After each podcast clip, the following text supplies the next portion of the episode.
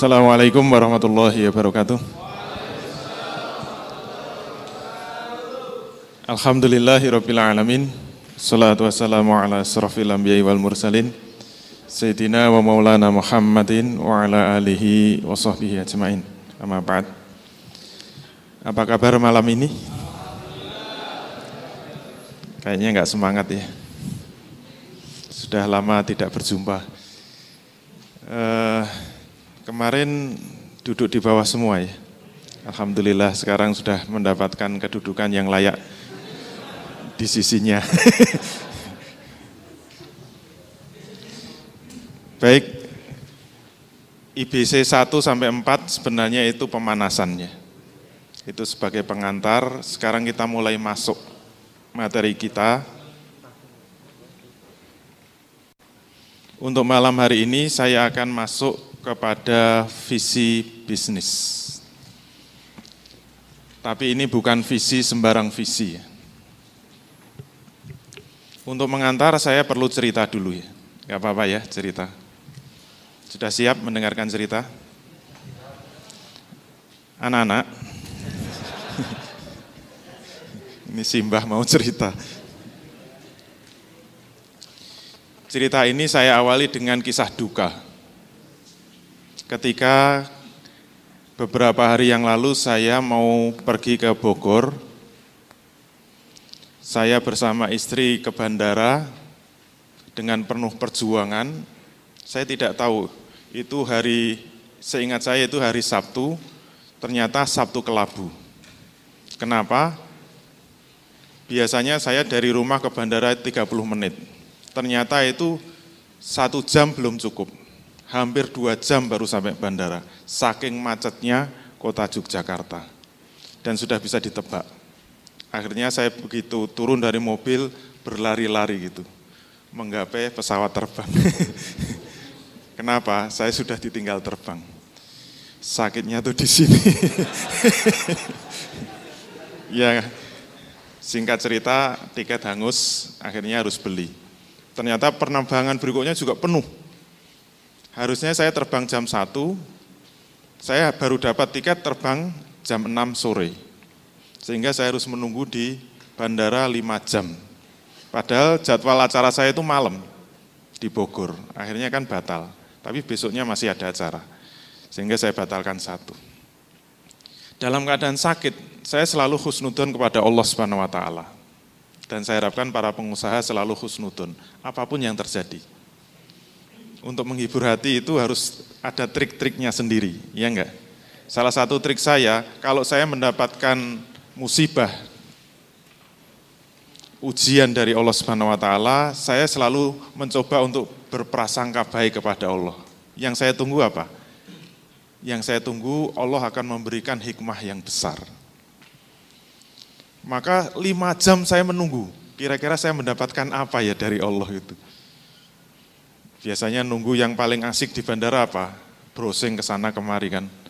Tablet dibuka, cari berita, baca ini, baca itu, lima jam baca-baca capek saya nulis, nulis capek baca lagi, baca capek nulis lagi, baca tulis capek lirak-lirik sana sini, semua adalah penumpang. Ternyata lima jam saya merasa, ini prasangka saya, saya merasa tidak dapat apa-apa. Tapi saya tetap masih berprasangka baik kepada Allah. Saya yakin Allah akan memberikan sesuatu yang luar biasa pada saya.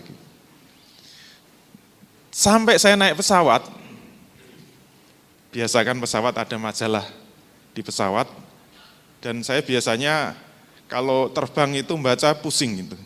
Biasanya yang saya lihat gambar-gambar. Saya enggak, enggak tertarik membaca isinya karena hanya cerita itu wisata di sini, tur di sana, dan sebagainya. Gambarnya saja yang menarik. Tapi ada satu tulisan yang menarik. Barangkali inilah yang akan diberikan oleh Allah Subhanahu wa taala kepada saya yang kemudian ingin saya ceritakan. Tapi bagi yang pernah membaca di karena itu di majalah pesawat ya ya insya Allah isinya sama lah gitu. Cuma dengan versi yang berbeda. Kenapa? Saya kalau cerita itu biasanya saya sampaikan kurang lebih. Gitu. Kurang lebih itu biasanya mesti ada yang kurang, lebih biasanya saya tambahi. Jadi ceritanya kurang lebih. Nah, judul yang saya baca apa? Sama. Kemudian ini menginspirasi untuk materi hari ini.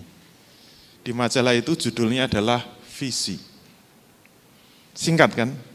Visi. Ini membuat saya tertarik untuk membaca majalah itu sampai habis judul tulisan itu sampai tulisannya selesai. Apa yang menarik dari tulisan ini? Tulisan ini diawali dengan cerita dari penulisnya. Dia menceritakan ada tiga tukang batu. Ketiga tukang batu ini sama-sama mengerjakan pekerjaan yang sama, yaitu apa? Memasang batu bata. Tukang pertama memasang batu bata, tukang kedua memasang batu bata, tukang ketiga memasang batu bata. Dilihat dari pekerjaan semua sama, tidak ada perbedaan. Pekerjaannya sama, amalnya sama, aktivitasnya sama, jam kerjanya juga sama. Mungkin jam 8 sampai jam 4. Kalau kita melihat tiga tukang batu yang bekerja, kira-kira yang membedakan apa? Kalau hanya dilihat aktivitasnya itu sama.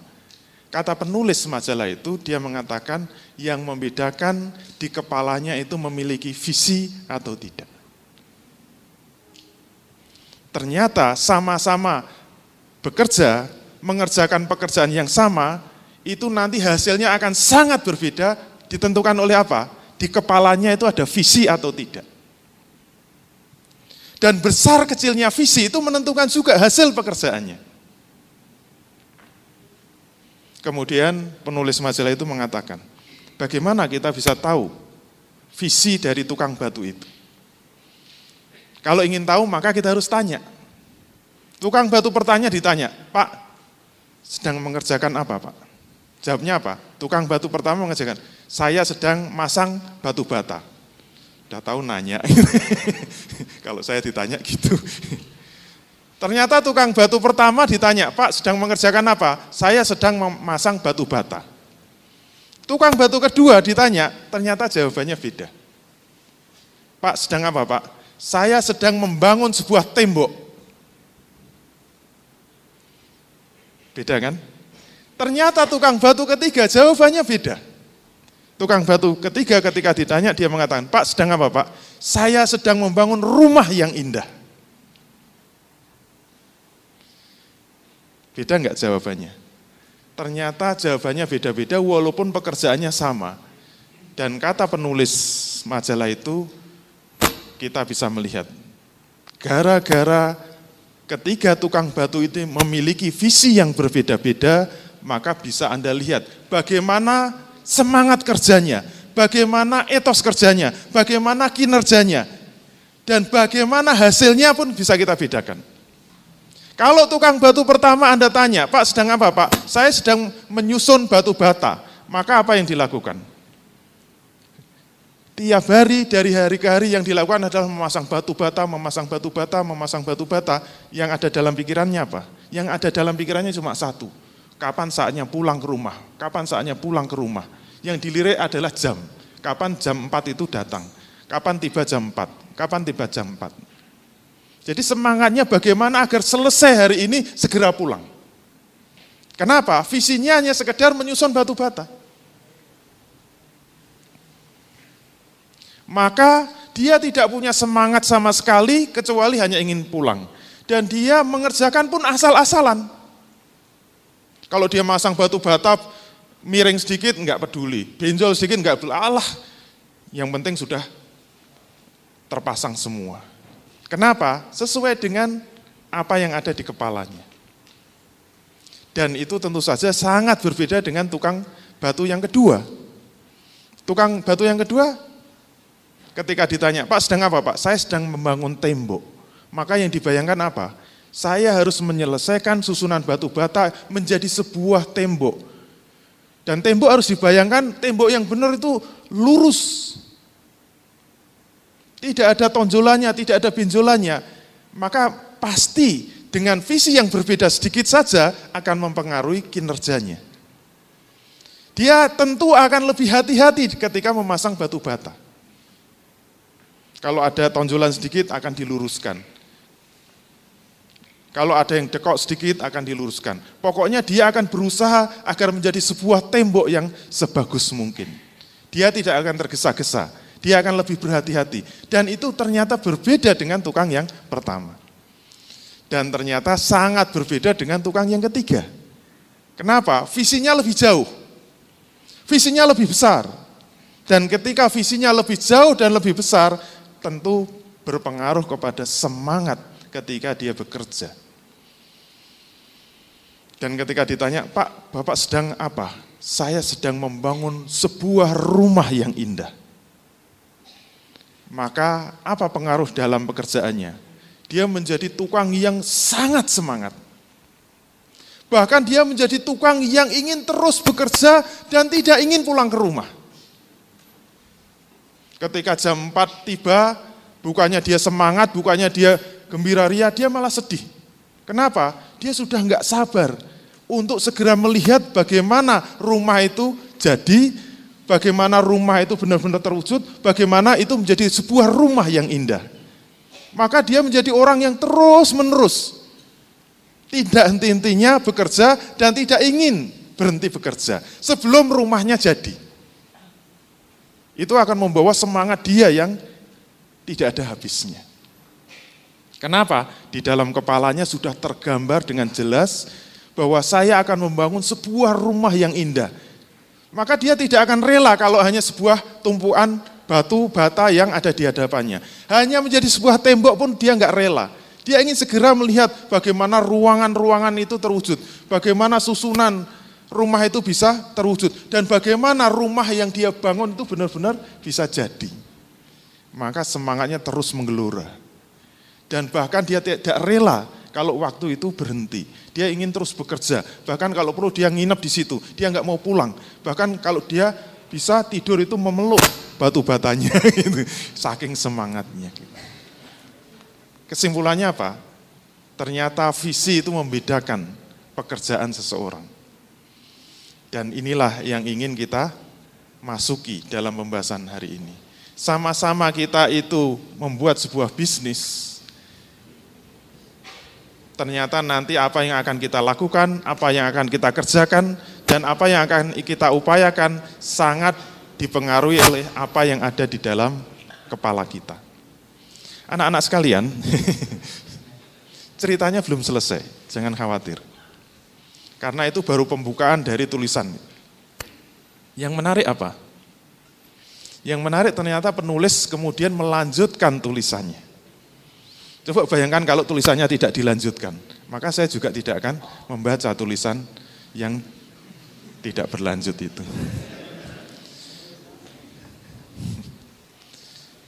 Apa kelanjutannya? penulis cerita. Tahun 85 saya kuliah di Korea Selatan. Tahun 85. Sudah ada yang lahir?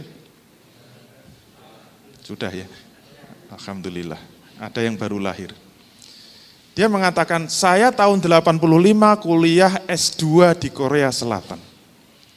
Ketika saya mulai belajar, ketika saya mulai datang ke kampus, ketika saya memulai untuk belajar di kampus, saya bertemu dengan satu orang wanita, cewek dari Korea Selatan, tahun 85 ya, K-pop belum terkenal. Dan dia adalah mahasiswa S1. Berarti dia baru lulus SMA, maka yang dibayangkan penulis apa? Yang namanya anak lulus SMA, itu kan anak lagi ABG-ABG-nya, lagi gaul-gaulnya. Pasti yang dipikir apa? Bagaimana fashion, bagaimana nyanyi, bagaimana diskusi tentang makan, paling kalau ketemu ngobrolannya gitu. Dia coba ketemu dengan satu perempuan Korea Selatan yang baru lulus SMA dan mau kuliah S1. Dia mau kuliah S2. Ketemu kenalan, kemudian perempuan cewek dari Korea Selatan yang mau kuliah S1 melontarkan satu pertanyaan kepada orang Indonesia yang kuliah S2. Dan apa yang dibayangkan oleh mahasiswa kita S2, ternyata pertanyaan ini di luar estimasinya. Benar-benar di luar dugaannya. Yang dibayangkan anak ABG pertanyaannya apa gitu. Dia sudah suuzon dulu, sudah berprasangka buruk dulu. Ternyata satu pertanyaan langsung KO, dia tidak bisa jawab. Kira-kira pertanyaannya apa? Kasih tahu enggak ya? Satu pertanyaan ini anak baru masuk S1 melawan anak lulusan S1 dari Indonesia. Ternyata satu pertanyaan tidak bisa dijawab oleh mahasiswa kita yang mau kuliah S2 tahun 85. Kira-kira pertanyaannya apa? Satu pertanyaan langsung telak KO. Ibarat tinju ronde satu sudah selesai. Pertanyaannya apa? Pengen tahu nggak? Kalau nggak pengen ya cukup sekian. Kasih tahu nggak ya? Pertanyaannya apa? Bapak dari Indonesia? Iya. Saya ingin tahu Pak. Indonesia ingin menjadi negara nomor satu dunia tahun berapa? Ada yang bisa jawab? Itu ditanya kayak gitu, penulisnya tersinggung berat itu ini cuma ngetes, cuma coba-coba atau mau ngeledek gitu. Kayaknya semuanya deh. Satu pertanyaan telak langsung nggak bisa jawab. Untuk menutupi rasa malunya, ini saya kasih tahu ya, rahasia retorika untuk mengguncang dunia. Dalam buku saya. Kalau Anda ingin debat menang, ini rahasianya apa? Jangan mau ditanya. Udahlah, kalau mau debat dengan siapa saja, kuncinya cuma itu. Kalau ditanya, langsung bales tanya. Betul kan, jurus itu yang dipakai. Karena dia nggak bisa jawab, langsung dibalik. Memangnya Anda orang Korea? Ya. Terus menurut Anda sebagai orang Korea Selatan, negara Korea Selatan mau menjadi negara nomor satu dunia tahun berapa? Dibalas gitu. Ternyata enggak disangka, enggak dinyanya, langsung dijawab dengan tenang, tegas. Cewek Korea itu menjawab tahun berapa coba? Tahun 85 dia sudah mengatakan, Korea Selatan ingin menjadi negara nomor satu di dunia tahun 2010. Tegas dia menjawab. Kaget dia. Ah yang benar gitu ternyata selama dia kuliah di Korea, dia menyaksikan bagaimana visi 2010 sudah ditanamkan untuk seluruh rakyat Korea Selatan. Tahun 85. Semua visi 2010 sudah menancap di semua kepala anak-anak Korea Selatan. Dan itu tidak main-main. Seluruh rakyat Korea Selatan paham bahwa Korea Selatan harus menjadi negara nomor satu dunia 2010. Maka kalau dia melihat TV-TV, tayangan TV, koran-koran, radio, semua berita, semua cerita, semua semangat, semua arahan menuju apa? Korea Selatan menuju 2010. Kira-kira begitulah. Sampai mengakar kuat. Dan apa yang diucapkan oleh orang Korea Selatan itu bukan isapan jempol. Bukan main-main. Penulis mencoba untuk membuktikan. Ingat dia datang tahun berapa? 85. Kemudian tahun 2005, ingat 5 tahun sebelum tahun 2010, dia datang lagi ke Korea Selatan. Ingin apa? Ingin membuktikan omongannya cewek tadi. 2005 dia datang. Apa yang dia saksikan? Ternyata dia menyaksikan pemandangan yang luar biasa mengharukan seluruh rakyat Korea Selatan. Kenapa? Rakyat Korea Selatan itu berbondong-bondong sukarela dengan penuh pengorbanan. Melakukan apa? Dia rela membeli alat-alat elektronik, produk-produk elektronik, termasuk yang kita pakai sekarang, ternyata semua rakyat Korea sukarela membeli handphone merek Samsung tahun 2005. Yang yang mengherankan apanya? Yang aneh amanya, dia menyaksikan tahun 2005 produk elektronik paling jaya pada waktu itu, yang merajai dunia, yang menguasai dunia adalah Sony dari Jepang. Oke? Dan tahun 2005 dia menyaksikan produk Samsung itu kualitasnya sangat jelek, harganya sangat mahal. Sedangkan Sony kualitasnya sangat bagus, harganya sangat murah, jauh di bawah Samsung. Tetapi dia menyaksikan tidak ada satupun rakyat Korea yang mau beli Sony. Dan dia menyaksikan seluruh rakyat Korea dengan sukarela penuh pengorbanan membeli produk Samsung yang sangat jelek, kualitasnya jelek, jauh dari Sony dengan harga yang sangat mahal. Jauh lebih mahal dari Sony. Maka satu persatu dia tanya, Kok mau-maunya rakyat Korea mau beli Sony? Eh, mau beli Samsung. Kok mau-maunya mau beli Samsung? Apa jawabnya?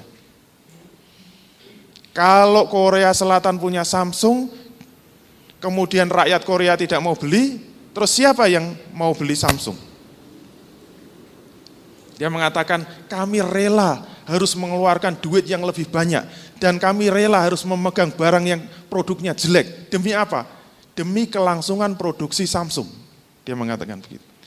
Kalau ini Samsung nggak ada yang beli, tutup itu pabriknya. Nggak akan ada produksi lagi. Kalau nggak ada yang beli. Kita tahu, agar pabrik itu terus berjalan, agar produksi terus berlanjut, harus ada yang beli. Siapa yang mau beli kalau tidak rakyat Korea sendiri? Maka dia sukarela membeli produk Samsung yang harganya lebih mahal, kualitasnya jelek. Yang kedua dia mengatakan, kalau ingin Samsung menjadi lebih baik, harus ada yang beli. Karena apa? Kalau ada yang beli, berarti ada pemasukan. Dan kalau ada pemasukan, saya yakin, rakyat Korea yakin, pasti nanti riset akan terus dilakukan oleh Samsung. Dan nanti pada waktunya, Samsung tentu akan bisa menghasilkan produk yang lebih baik dengan harga yang lebih murah. Itu keyakinan mereka. Dan itu tidak hanya berhenti pada Samsung. Mungkin pada merek LG, termasuk pada mobil-mobilnya, pada motor-motornya, kalau kita pernah lihat bagaimana mobil-mobil Korea Selatan tahun tahun 90-an, eh, tahun 2005, tahun 2000, kita bisa melihat kalau beli misalnya Hyundai ya, atau beli KIA, saya yakin belinya agak mahal dijual, nggak ada yang mau ngelirik itu. Saking jeleknya produknya. Tapi tetap mereka dengan sukarela mau beli mobil buatan Korea sendiri walaupun kualitasnya jauh dengan produk Jepang. Dan tidak ada, mungkin kalau mau lebih ekstrim, tidak ada satupun mobil Jepang yang masuk ke Korea Selatan. Dia rela membeli mobil yang jelek, harganya mahal, kualitasnya buruk. Tapi tetap dia beli, beli, dan beli. Dan akhirnya kita bisa melihat. 2010 kata penulis, walaupun mungkin mereka belum benar-benar nomor satu, tapi sekarang kita boleh lihat apa produk handphone nomor satu dunia? Semua pasti sepakat menyebut Samsung. Dan Sony hancur oleh Samsung. Sony nyaris gulung tikar kalah sama Samsung. Kualitas Sony kalah dengan harga yang juga kalah oleh Samsung. Siapa yang merajai dunia? Samsung. Dan kita juga sudah mulai melihat elektronik yang menguasai dunia LG, Samsung, dan mobil-mobil Hyundai sudah mulai merajai dataran Cina, dataran Indonesia, Malaysia. Dan saya yakin kalau kita beli produk Korea, mobil-mobil, kalau kita sandingkan, kita coba, kenyamannya, kualitasnya tidak jauh dengan Jepang. Bahkan saya boleh mengatakan sudah kalah itu produk Jepang. Saya waktu ke Jerman, 2013 Jerman, saya mencoba lihat Jerman itu katanya kota teknologi termaju di Eropa. Saya mencoba melihat dari halte ke halte, dari stasiun ke stasiun, dari jalan ke jalan, siapa yang membanjiri baliho-baliho, iklan-iklan, promosi-promosi. Ternyata hampir setiap halte yang saya jumpai, setiap eh, stasiun yang saya lihat, ternyata semua dibanjiri oleh iklan Samsung. Jerman loh itu. Dan setiap penumpang kereta api orang Jerman selalu saya lirik. Apa gadget yang dia pegang? Mereknya Samsung. Jerman loh itu, bukan Indonesia. 2013. Dan kemarin rilis Samsung S5 di mana? Di Berlin, ibu kota Jerman. Intinya apa? Dia tidak cuma bilang kita punya visi 2010 menjadi nomor satu dunia, tapi dia bisa membuktikan dengan misi yang jelas.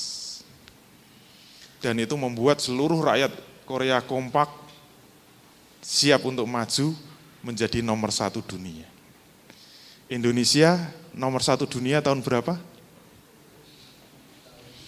Sampai detik ini belum ada yang bisa menjawab. Kecuali dikasih embel-embel insya Allah.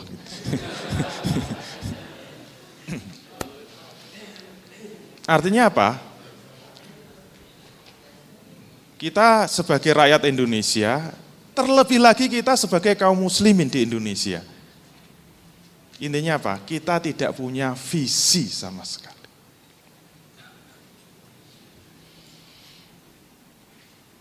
Berarti dalam kehidupan kita itu tidak ada visi sama sekali.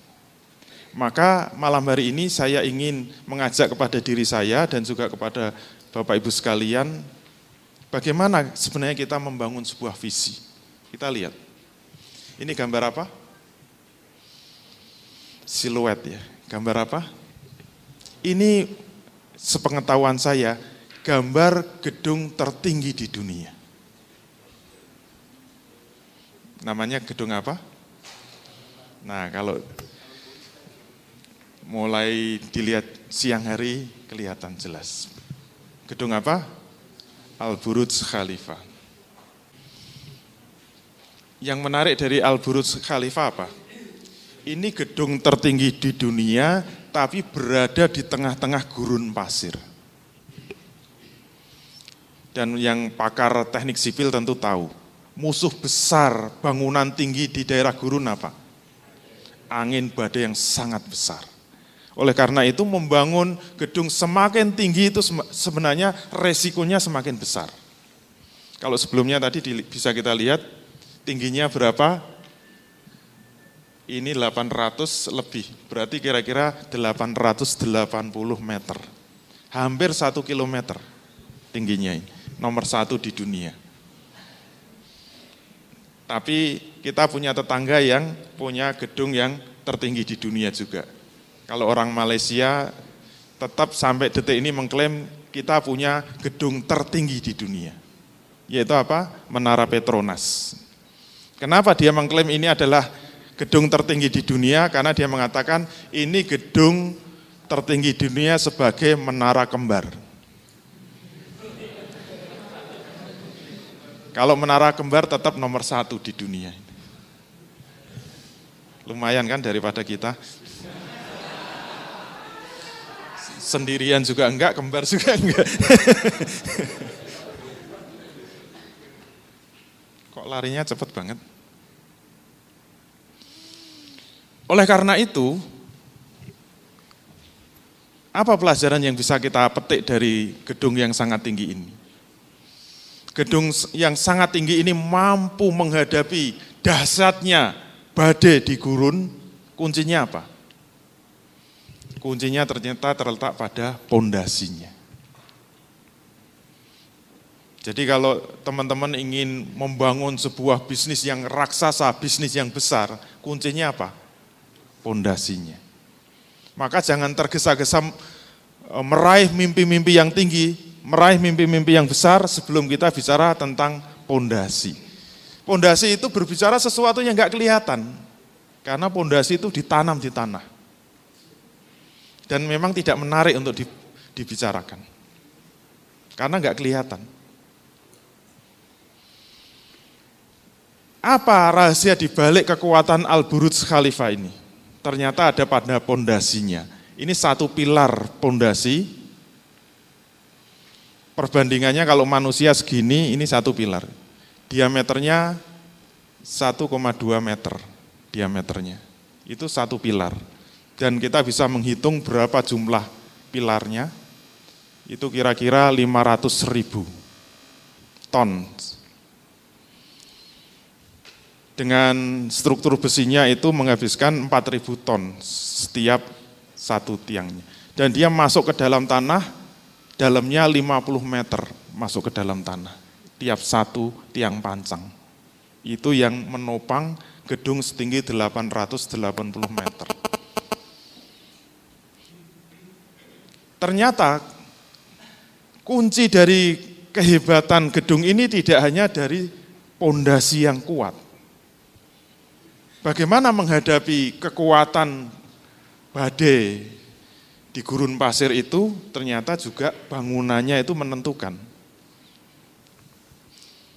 Kata arsiteknya ternyata kunci kekuatan gedung ini menghadapi dasarnya hantaman badai itu terletak pada struktur bangunannya. Ini kalau dilihat ke atas, ternyata semuanya berbentuk segitiga. Sampai ke atas.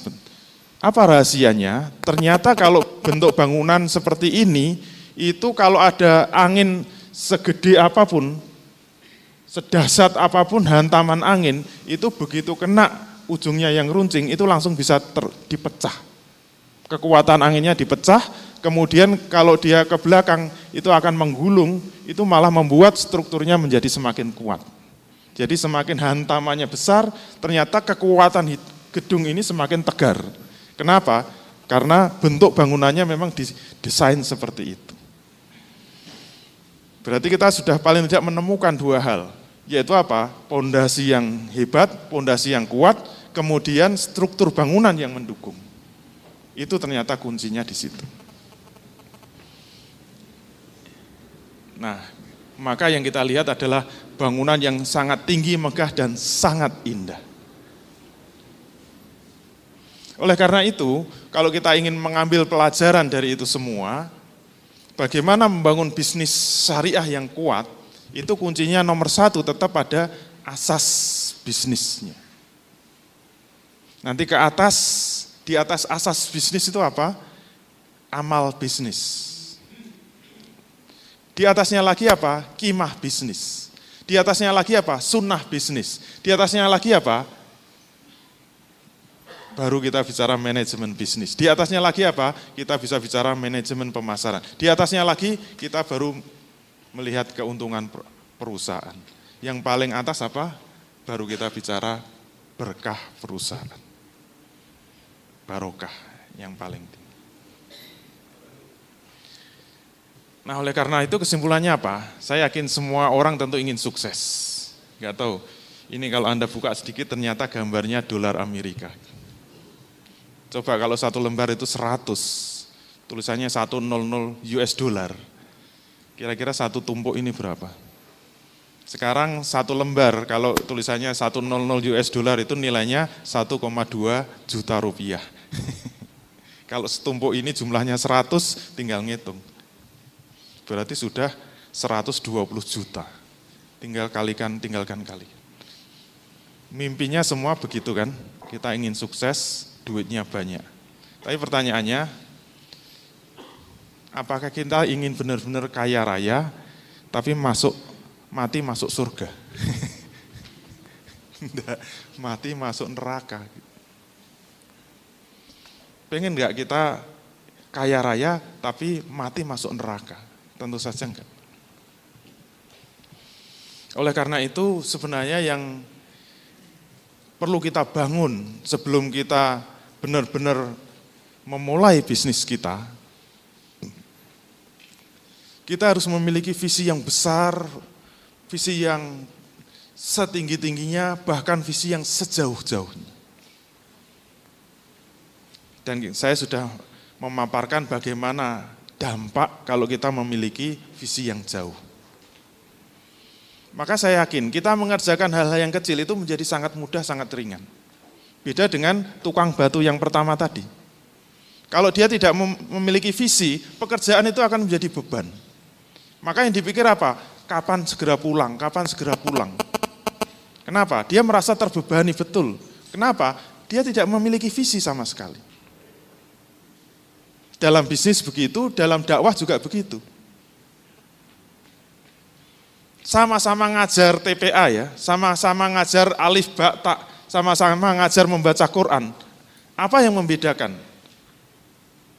Antara da'i yang memiliki visi dengan da'i yang tidak memiliki visi atau da'i yang visinya pendek. Saya yakin mereka yang memiliki visi yang pendek itu cepat sebel melihat murid-murid TPA yang baca nggak bisa-bisa. Gitu. Apalagi ngajari TPA nggak digaji. Gitu. Kalaupun digaji ya pas-pasan lah. Saya pernah dulu e, lulus kuliah langsung ngelamar jadi direktur, direktur TPA. Langsung direktur, tahu nggak gajinya? Sebulan 20 ribu. Saya ngajar seminggu empat kali, gajinya 20 ribu. Tapi tahun 95. 20 ribu itu bisa untuk hidup sebulan sama istri, menjadi pengantin baru. Kenapa? Begitu terima 20 ribu, 5 ribu saya belikan beras dapat 10 kilo. Karena satu kilo harganya 500 rupiah. 10 kilo itu untuk hidup berdua sebulan sudah bisa bulan madu. Sisanya 5.000 saya belikan untuk apa? 5.000 itu bisa untuk membeli mie instan satu dus sebanyak 40 40 40 mie. Satu dus cuma 5.000. Seingat saya 4.800 dulu itu. Berarti kalau ada di rumah sudah ada 10 kg beras, kemudian ada satu dus mie instan, sudah bisa bulan madu satu bulan. Masih sisa 10 ribu kan? bisa untuk transportasi dan sebagainya gitu. Apalagi istri saya dosen TPA juga.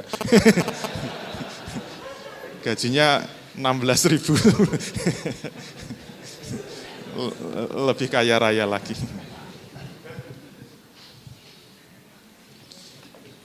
Sama-sama ngajar TPA, apa yang membedakan?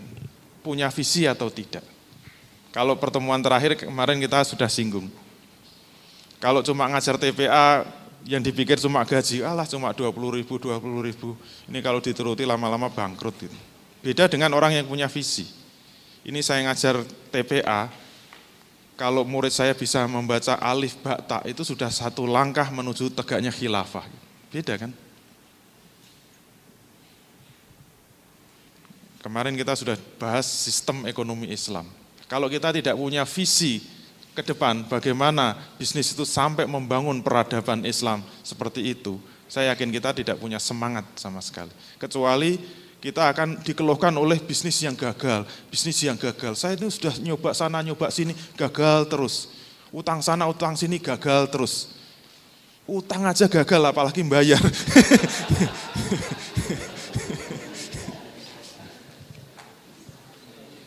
itu akan mengeluh terus. Beda dengan orang yang sudah memiliki visi ke depan. Makanya dari awal saya sudah mencoba menyelesaikan empat kali pertemuan sampai kepada bangunan yang paling utuh yang seharusnya menjadi impian kita semua. Jauh lebih hebat daripada Korea Selatan. Karena apa? Kita tidak memiliki tidak hanya memiliki visi yang besar, tapi visi yang detail sedetail-detailnya bagaimana kita bisa memakmurkan seluruh rakyat Indonesia, bahkan seluruh manusia di atas muka bumi ini dengan Islam. Itu yang harusnya, harusnya menjadi misi umat Islam. Dan itulah yang bisa membawa semangat tidak ada putusnya.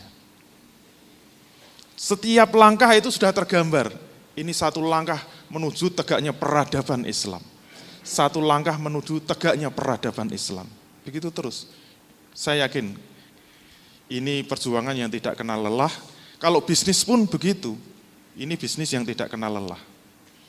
Karena kalau gagal kita cepat maklum. Ya maklumlah. Kita tidak berada pada lingkungan yang islami. Tidak pada sistem yang islami. Ya gagal nggak apa-apa. Maju lagi, maju lagi. Itu yang semangat tidak kenal henti. Oleh karena itu, bagaimana kita bisa masuk ke sana? Agar memiliki wawasan yang jauh ke depan, jauh lebih besar, jauh lebih tinggi, kita harus berangkat dari sebuah perenungan yang mendalam sebagaimana yang diinginkan oleh Allah Subhanahu wa taala melalui surat Al-Hasr 18.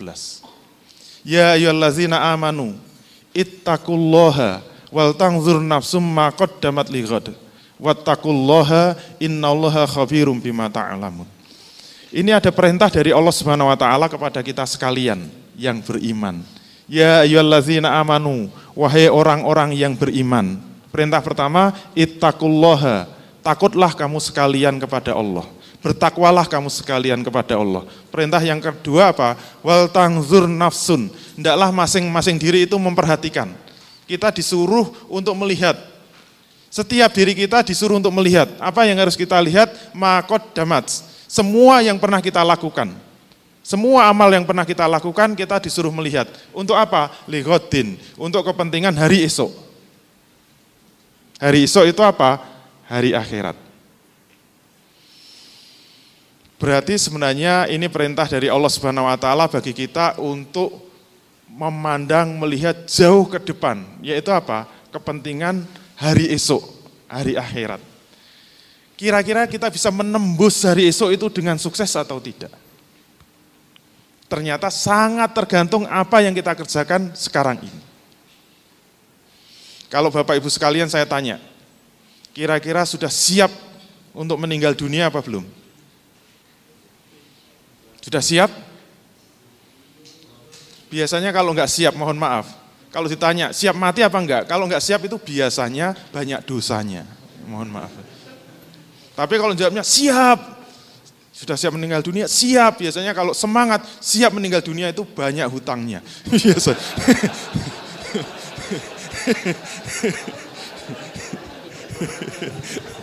Biasanya.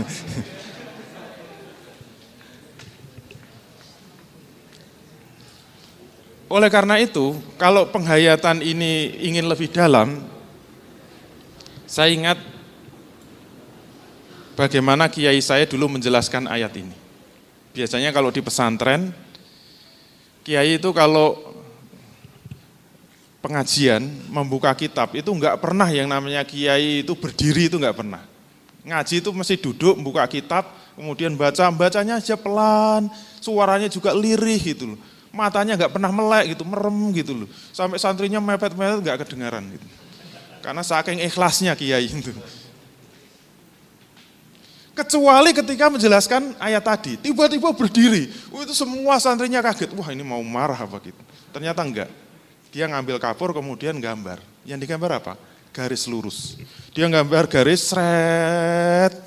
Dia tanya, santri ini gambar apa? Garis Pak Kiai, betul. Tapi ini bukan garis sembarang garis. Dia mengatakan ini adalah garis waktu. Ternyata masa atau waktu kalau digambar itu seperti garis yang tidak ada putusnya. Dari ujung ke ujung itu panjangnya tidak terhingga. Kemudian beliau gambar lagi dua titik. Titik pertama, titik kedua. Tanya lagi, ini apa? Titik Pak Kiai. Iya, tapi ini bukan titik sembarang titik. Titik ini adalah yang pertama titik ketika manusia lahir dan yang kedua adalah titik ketika manusia mati. Dibanding dengan garis waktu yang panjangnya tidak terhingga, sebenarnya jarak antara lahir dan mati kalau digambar satu senti ini sebenarnya terlalu panjang. Sebenarnya jarak lahir dan mati kalau digambar segini masih terlalu panjang. Kenapa? Dibandingkan dengan waktu yang tidak terhingga. Tetapi yang unik dari dua titik ini, kata kiai saya, dua titik ini mem membelah garis waktu ini menjadi dua. Yang pertama, garis waktu sebelum manusia ada. Panjangnya tidak terhingga, mungkin sampai laut selatan, nggak ada putusnya. Dalam bahasa matematika, simbolnya seperti cacing, tidak terhingga. Yang kedua, garis waktu setelah manusia mati itu juga panjangnya tidak terhingga. Sampai laut utara mungkin tidak ada putusnya. Nah kata kiai saya, apa bedanya garis kiri dengan garis kanan? Ternyata bedanya sangat besar. Garis kiri yang panjangnya tidak terhingga, yaitu garis waktu sebelum manusia ada, itu enggak ada pengaruhnya apa-apa terhadap manusia. Mau panjangnya sampai laut selatan nggak ada pengaruhnya apa-apa terhadap manusia. Beda dengan garis matu ketika manusia mati. Yang panjangnya tidak terhingga, kata kiai saya langsung buka kitabnya Imam Ghazali. Beliau mengatakan garis waktu setelah manusia mati, inilah yang sebenarnya sangat menentukan manusia. Kata beliau, begitu manusia mati, mesti kaget semua. Wah gitu. Sampai gambarnya kayak gini. Kata kiai saya, dengan merujuk pada kitabnya Imam Ghazali. Begitu manusia mati itu kemungkinannya ada dua. Ini enggak kampanye ya. Sekarang nanti jangan pas moto gitu. Wah, itu mendukung nomor dua. Sekarang sukanya pakai meme-meme itu. Gambar kayak gini, wah salam gigit jari.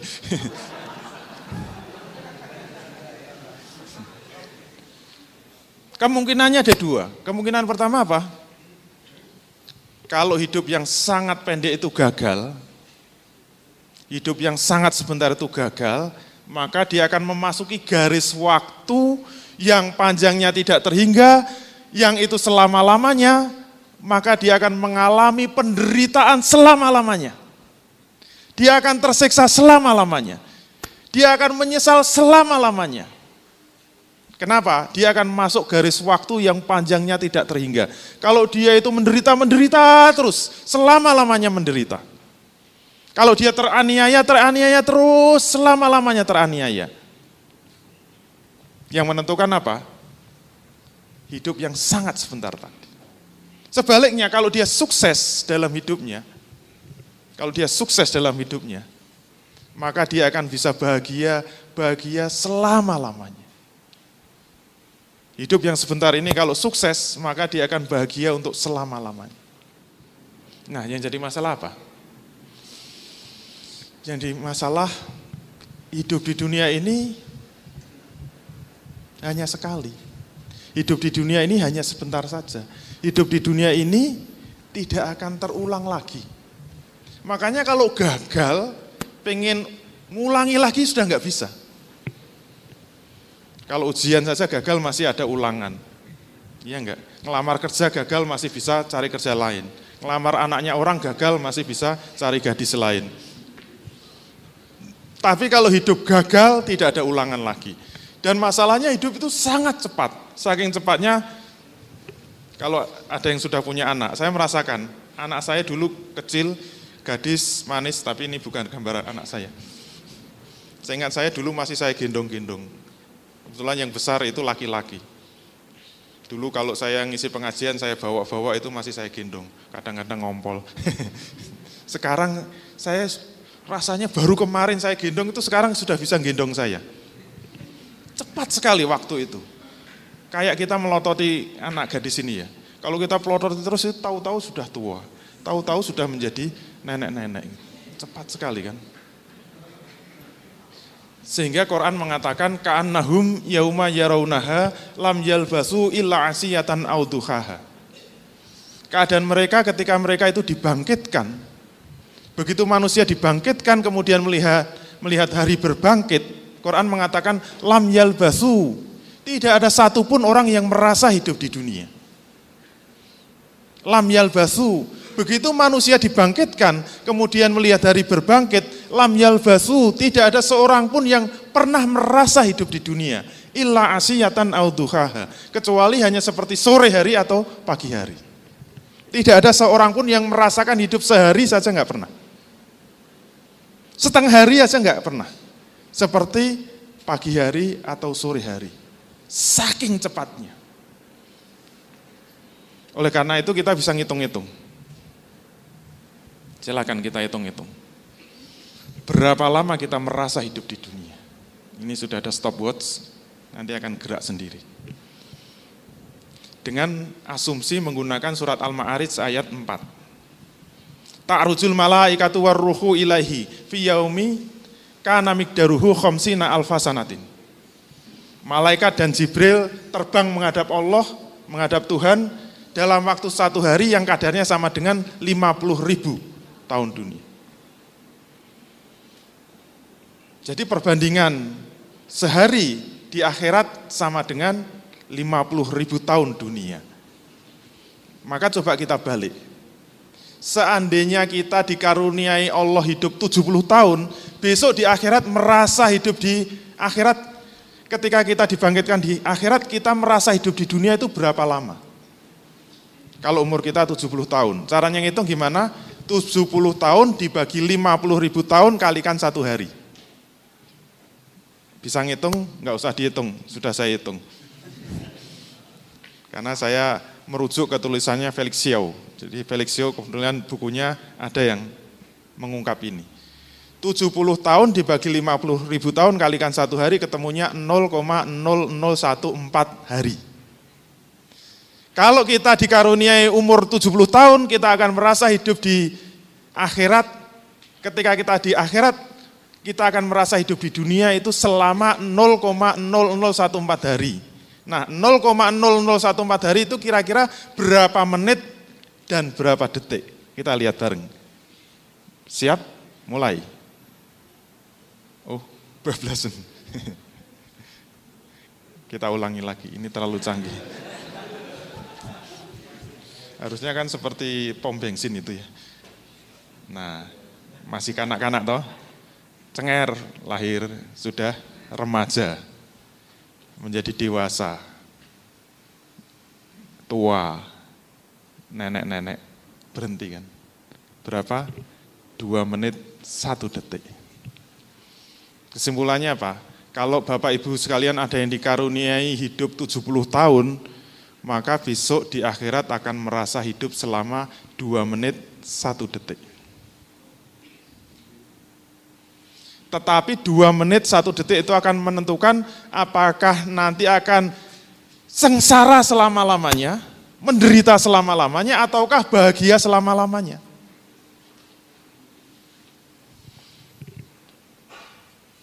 Sekarang kita tanya, berapa rata-rata umur umat Nabi Muhammad Shallallahu Alaihi Wasallam? Ada hadisnya, rata-rata 60 tahun. Dari hadis Bukhari, Nabi mengatakan Allah telah memberi kesempatan yang cukup kepada orang yang dilanjutkan usianya hingga 60 tahun. Ada yang sudah 60 tahun? Ada yang sudah lebih? Itu bonus ya. Ada yang 59? Kurang satu tahun. Maksud saya siap-siap gitu loh. Hadisnya ada, rata-rata umat Nabi Muhammad Shallallahu Alaihi Wasallam itu umurnya 60 tahun. Sekarang ya jadi pertanyaan, kalau rata-rata umur itu 60 tahun, benarkah 60 tahun ini akan dipertaruhkan semuanya untuk kepentingan hidup yang selama-lamanya? Mari kita lihat. 0 sampai 60. Lahir jadi mayit. Ini mayit yang gaya. Kalau umurnya 60 tahun, Benarkah semuanya akan kita pertaruhkan untuk kepentingan hidup yang selama-lamanya? Ternyata tidak. 60 harus dikurangi 15, yaitu masa kanak-kanak. Kenapa? Masa kanak-kanak itu belum dimintai pertanggungjawaban di hadapan Allah sampai dia balik. Berarti kalau umurnya 60 harus dikurangi 15, sisanya 45 tahun. Inilah yang benar-benar akan dipertanggungjawabkan di hadapan Allah. Tinggal 45 tahun. Pertanyaan kedua, kalau sisanya 45 tahun, benarkah semuanya akan kita pertaruhkan untuk kepentingan hidup yang selama-lamanya? Ternyata tidak. Harus dikurangi lagi dengan masa tidur kita. Masa tidur manusia adalah, eh, jadi nggak canggih dong harus dikurangi dengan masa tidur. Rata-rata tidur manusia itu 8 jam sehari. Kecuali mahasiswa, biasanya nambah. Karena di kos-kosan tidur, kuliah tidur, di kantin tidur. Kalau sehari rata-rata tidur 8 jam, padahal sehari 24 jam berarti sepertiga hidup manusia itu tidur. Dan sama seperti yang disampaikan hadis Nabi tadi, orang tidur juga tidak dimintai pertanggungjawaban. Apa pun yang dikerjakan. Misalnya Anda tidur kemudian kok nempeleng istrinya, itu tidak dosa, jangan khawatir. Yang penting benar-benar tidur. Kalau pura-pura tidur dosanya double. Nanti istri boleh bales gitu. Mungkin suaminya dijambak tidak dosa gitu ditendang tidak dosa. Yang penting tidur. Bahkan kalau pengen lebih kreatif, misalnya nggak punya mobil, Anda mencuri mobil pun tidak dosa. Yang penting tidur.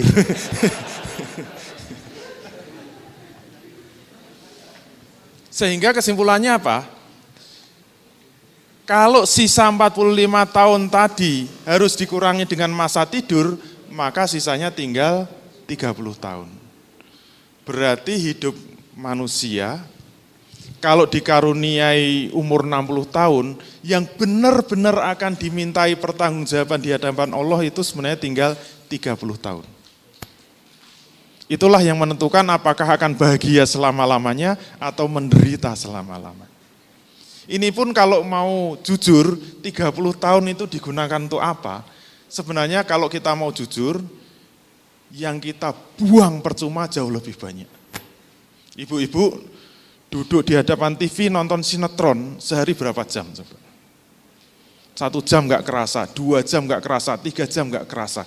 Waktu dibunuh, dibuang percuma itu nggak kerasa. Bapak-bapak nonton sepak bola, dua jam, empat jam, nggak kerasa.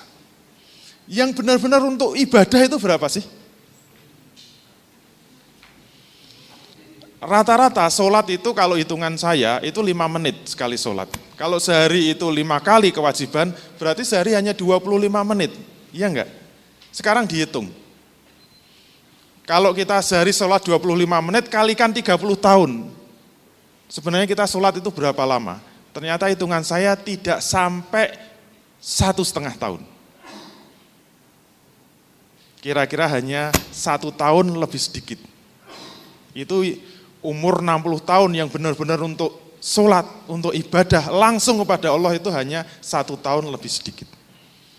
Itu pun kalau mau kita pers ya, lima menit kita sholat yang khusuk berapa detik coba. Kalau mau jujur itu. Paling takbiratul ikhramnya saja kan. Allahu Akbar gitu. Begitu bar kan bar bener ya. Yang lain langsung ingat semua gitu.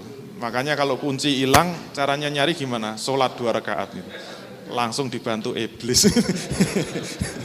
Ketemu itu. Berarti yang benar-benar nanti kita pertaruhkan untuk kepentingan yang selama-lamanya tinggal berapa menit, tinggal berapa jam dalam seluruh hidup kita. Tapi anehnya pasti kita ingin masuk surga yang paling tinggi. Surga ini sopo. Oleh karena itu kata Imam Ghazali, semua manusia akan menyesal. Wal asri, demi waktu, demi masa, innal insana lafi khusrin. Sesungguhnya semua manusia itu pasti menyesal, pasti merugi. Ilah kecuali itu nanti kita lihat. Semua manusia pasti menyesal. Semua manusia pasti merugi. Tapi sama-sama merugi ini kita bagi dalam tiga kelompok. Kelompok pertama adalah kelompok yang paling berat penyesalannya. Siapa kata Imam Ghazali orang yang mati dalam keadaan kafir. Ini pasti paling menyesal, paling berat penyesalannya. Kenapa? Dijamin masuk neraka selama-lamanya. Innal ladzina kafaru min ahlil kitabi wal musyrikina fi nari jahannama khalidina fiha ulaika hum sarul bariyah. Sesungguhnya orang kafir. Siapa orang kafir itu? Kata Allah ada dua. Yang pertama min ahlil kitabi. Yaitu ahli kitab. Yahudi dan Nasrani. Itu mohon maaf masuk kategori kafir. Yang kedua, wal musrikina, orang-orang musyrik orang Hindu, orang Buddha, Konghucu, Sinto, dan sebagainya itu musyrik. Ahli kitab musyrik itu termasuk kafir. Nasibnya gimana? Finari jahannama. Mereka akan dimasukkan neraka jahanam, neraka paling bawah. Kholidina fiha. Dan akan kekal selama-lamanya. Makanya kalau kita membaca Quran, orang kafir kalau dimasukkan neraka, kira-kira permohonan pertama apa? Saya yakin dia akan meraung-raung, meratap-rapat, mohon-mohon, Ya Allah hidupkan lagi saya ke dunia, Ya Allah hidupkan lagi saya ke dunia. Untuk apa? Untuk beriman kepadamu, untuk yakin kepadamu, untuk beramal soleh. Walaupun satu detik, nggak apa-apa. Kenapa? Kalau dia bisa meninggal di dalam hatinya itu ada satu titik iman, itu bisa menyelamatkan dari seksa api neraka selama-lamanya. Maka permohonannya apa? Ya Allah hidupkan lagi saya ya Allah. Hidupkan Saki saya ya Allah. Coba bayangkan hidup cuma 30 tahun disiksa dalam neraka selama-lamanya. Enggak bisa kita bayangkan. Itu kan menyesal terus. Tapi apa kata Allah? Dalam surat Al-Imran 91 kan dijawab oleh Allah. Innallazina kafaru wa matu wa hum kufarun fala yuqbala min ahadihim mil'ul ardi zahaban wala wiftadabi. Sesungguhnya orang kafir dan dia mati dalam keadaan kafir, maka tidak akan pernah diterima selamanya. Kalau dia punya emas seberat bumi dan dia bisa menebus dirinya dengan emas seberat bumi. Kalau dia bisa nyogok istilahnya, menyuap Allah, Misalnya dia bisa minta, ya Allah, saya minta dihidupkan satu detik, saya bayar emas seberat bumi, ternyata tidak akan pernah bisa diterima selamanya. Iman satu titik diganti emas seberat bumi nggak ada nilainya sama sekali, nggak ada bandingannya. Tidak pernah diterima selamanya. Maka kira-kira kalau dia itu minta hidup lagi ditolak, permintaannya apa? Kalau saya minta hidup lagi nggak diterima, permintaannya Kira-kira apa? Pasti dia minta, ya Allah ringankan siksa saya, ya Allah ringankan siksa saya. Ternyata minta diringankan pun ditolak oleh Allah. La yukhaffafu anhumul azabu. Ternyata tidak ada keringanan bagi siksa mereka. Wa ma'alahum min nasirin dan mereka tidak ada penolong. Minta keringanan pun enggak diterima. Kalau kira-kira minta keringanan enggak diterima terus mintanya apa lagi? Ya Allah bunuh saja saya ya Allah. Matikan saja saya ya Allah. Saya sudah enggak kuat. Bunuh saja. Minta mati pun enggak bisa. Bunuh diri juga enggak bisa mati.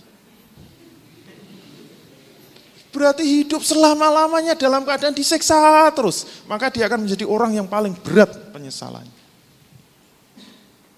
Itu kelompok pertama. Kelompok dua, orang yang berat penyesalannya. Siapa? Kata Imam Ghazali, orang yang mati dalam keadaan muslim. Tapi ketika ditimbang amal kebajikan dengan dosanya, dalam surat Al-Qari'ah kan dikatakan, awalnya fa amma man saqulat mawazinuhu fa huwa fi 'ishatir radiyah. Kemudian wa amma man khaffat mawazinuhu fa ummuhu hawiyah. Dan barang siapa yang ringan amal kebajikannya dibandingkan dengan dosanya, dosanya lebih berat fa ummuhu hawiyah. Maka dia akan masuk ke neraka hawiyah. Wa ma adraka mahiyah? Apa neraka hawiyah itu? Narun khamiyah. Api yang menyala-nyala. Dengan perbandingan, hadisnya juga ada. Satu hari nanti dibalas di akhirat 50 ribu tahun. Maksiat sehari balasannya 50 ribu tahun. Pacaran parang tritis sehari balas 50 ribu. Dua hari pacaran 100 ribu tahun. Saya pernah mendengar pengajian itu ada kiai mengatakan besok orang nggak sholat. Saya belum ngecek hadisnya. Besok kalau orang meninggalkan sholat sekali saja, sholat lima waktu, sholat wajib sekali saja ditinggalkan, nanti dibalas, dimasukkan neraka, dimasukkan neraka 70 ribu tahun lamanya. Kalau dua kali nggak sholat ya 140 ribu. Gitu. Saya pernah nyampaikan ini, ada simbah-simbah yang selesai pengajian nangis meluk saya gitu. Pak Ustadz gimana nasib saya, kenapa kayak gitu. Kenapa mbah gitu saya ini umur saya 75, terus saya belum pernah sholat. ya Allah. Terus saya masuk neraka berapa lama? Ya tinggal ngalikan, Mbak. Langsung pingsan kalau jawabnya gitu. ya segeralah bertobat lah gitu kira-kira. Kenapa? Nabi pernah ditanya dengan pertanyaan yang sederhana. Sahabat pernah bertanya, ya Rasul siksa neraka yang paling ringan itu kayak apa? Jadi tanyanya bukan yang paling berat. Siksa neraka yang paling ringan, mungkin nerakanya paling atas. Apa jawab Nabi? Kamu cuma diberi dua titik api neraka. Ada yang riwayat mengatakan dua sandal neraka. Jadi kamu hanya disuruh menginjak dua titik api neraka, kemudian kakimu akan merasakan panas, merambat naik ke atas sampai mendidih otaknya, pelekutuk-pelekutuk gitu. Itu yang paling ringan. Sehingga dia meraung-raung, meratap-ratap, dia merasa orang yang paling menderita seluruh neraka. Padahal itu paling ringan. Terus yang berat kayak apa? Enggak ada yang tanya itu sahabat.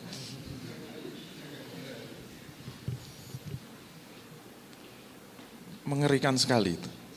Oleh karena itu dia termasuk berat penyesalannya. Kelompok tiga siapa yang ringan penyesalannya? Yaitu orang yang meninggal dalam keadaan Islam, kemudian ditimbang amal kebajikannya lebih banyak daripada dosanya. Maka kesimpulannya apa? Dia bisa langsung masuk surga tanpa mencicipi neraka. Fa'amma man sakulat mawazinuhu fahuwa fi 'ishatir radiyah. Barang siapa yang berat amal timbangan kebajikannya, maka dia akan masuk ke dalam kehidupan yang diridhoi oleh Allah, masuk surga. Tapi kenapa tetap menyesal dalam tanda petik? Begitu masuk surga dia akan melihat balasannya. Wah dulu saya ikut IBC, ada edaran kotak infak. Saya masukkan seribu rupiah. Wah balasannya luar biasa gitu. Dibangunkan satu rumah. Nyesel kan? Kenapa enggak dua ribu? Makanya nyeselnya dalam tanda petik. Karena saya harus hati-hati, saya pernah diprotes mahasiswa saya. Masa di surga kok menyesal gitu? Karena mahasiswa saya, kamu udah nikah belum? Belum, pantas. Kamu nggak bisa menyesal kan gitu. Kok bisa? Orang kalau nikah itu pasti menyesal. Kenapa? Kenapa nggak dari dulu-dulu? itu menyesalnya orang menikah sambil peringas-peringis gitu ya. Oleh karena itu kesimpulannya apa? Sekarang ya jadi masalah dengan umur yang sangat singkat ini yang harus kita pikirkan apa? Sukses bisnis di dunia itu tidak boleh menjadi tujuan. Maka hidup di dunia ini harus kita pandang, inilah yang harus menjadi visi dalam bisnis dan juga dalam hidup kita. Hidup di dunia ini harus kita pandang sebagai tempat untuk menanam, bukan tempat memetik hasil. Begitu kita salah, fatal itu akibatnya. Apa pun yang kita kerjakan termasuk bisnis yang kita lakukan itu hanya sebagai tempat untuk menanam. Dan kapan kita panen, tujuan hidup yang sebenarnya itu apa? Yang harus menjadi visi bisnis kita, visi hidup kita, tujuan hidup yang hakiki adalah kehidupan di akhirat. Yang selama-lamanya. Inilah yang harus menjadi visi di dalam hidup kita, di dalam bisnis kita. Oleh karena itu, selanjutnya bagaimana kita akan memulai membangun asas bisnis, jangan ke mana-mana, tetap bersama kami, bersambung. Wassalamualaikum warahmatullahi wabarakatuh. Terima kasih Anda telah menyaksikan tayangan persembahan pengusaha Rindu Syariah. Silahkan hadiri acara-acara yang kami buat seperti Islamic Business Coaching, di mana kita dapat mempelajari kerangka berbisnis Islam, kemudian Islamic Business Sharing, di mana kita bisa belajar kepada pengusaha yang telah menerapkan bisnis syariah, fikih bisnis Islam, di mana kita bisa bertanya dan memecahkan permasalahan-permasalahan bisnis kontemporer, dan Muslim Trainer Power Camp, di mana kita akan termotivasi untuk menjadi pejuang syariah dalam berwirausaha. Sampai ketemu di pertemuan berikutnya. Wassalamualaikum warahmatullahi wabarakatuh.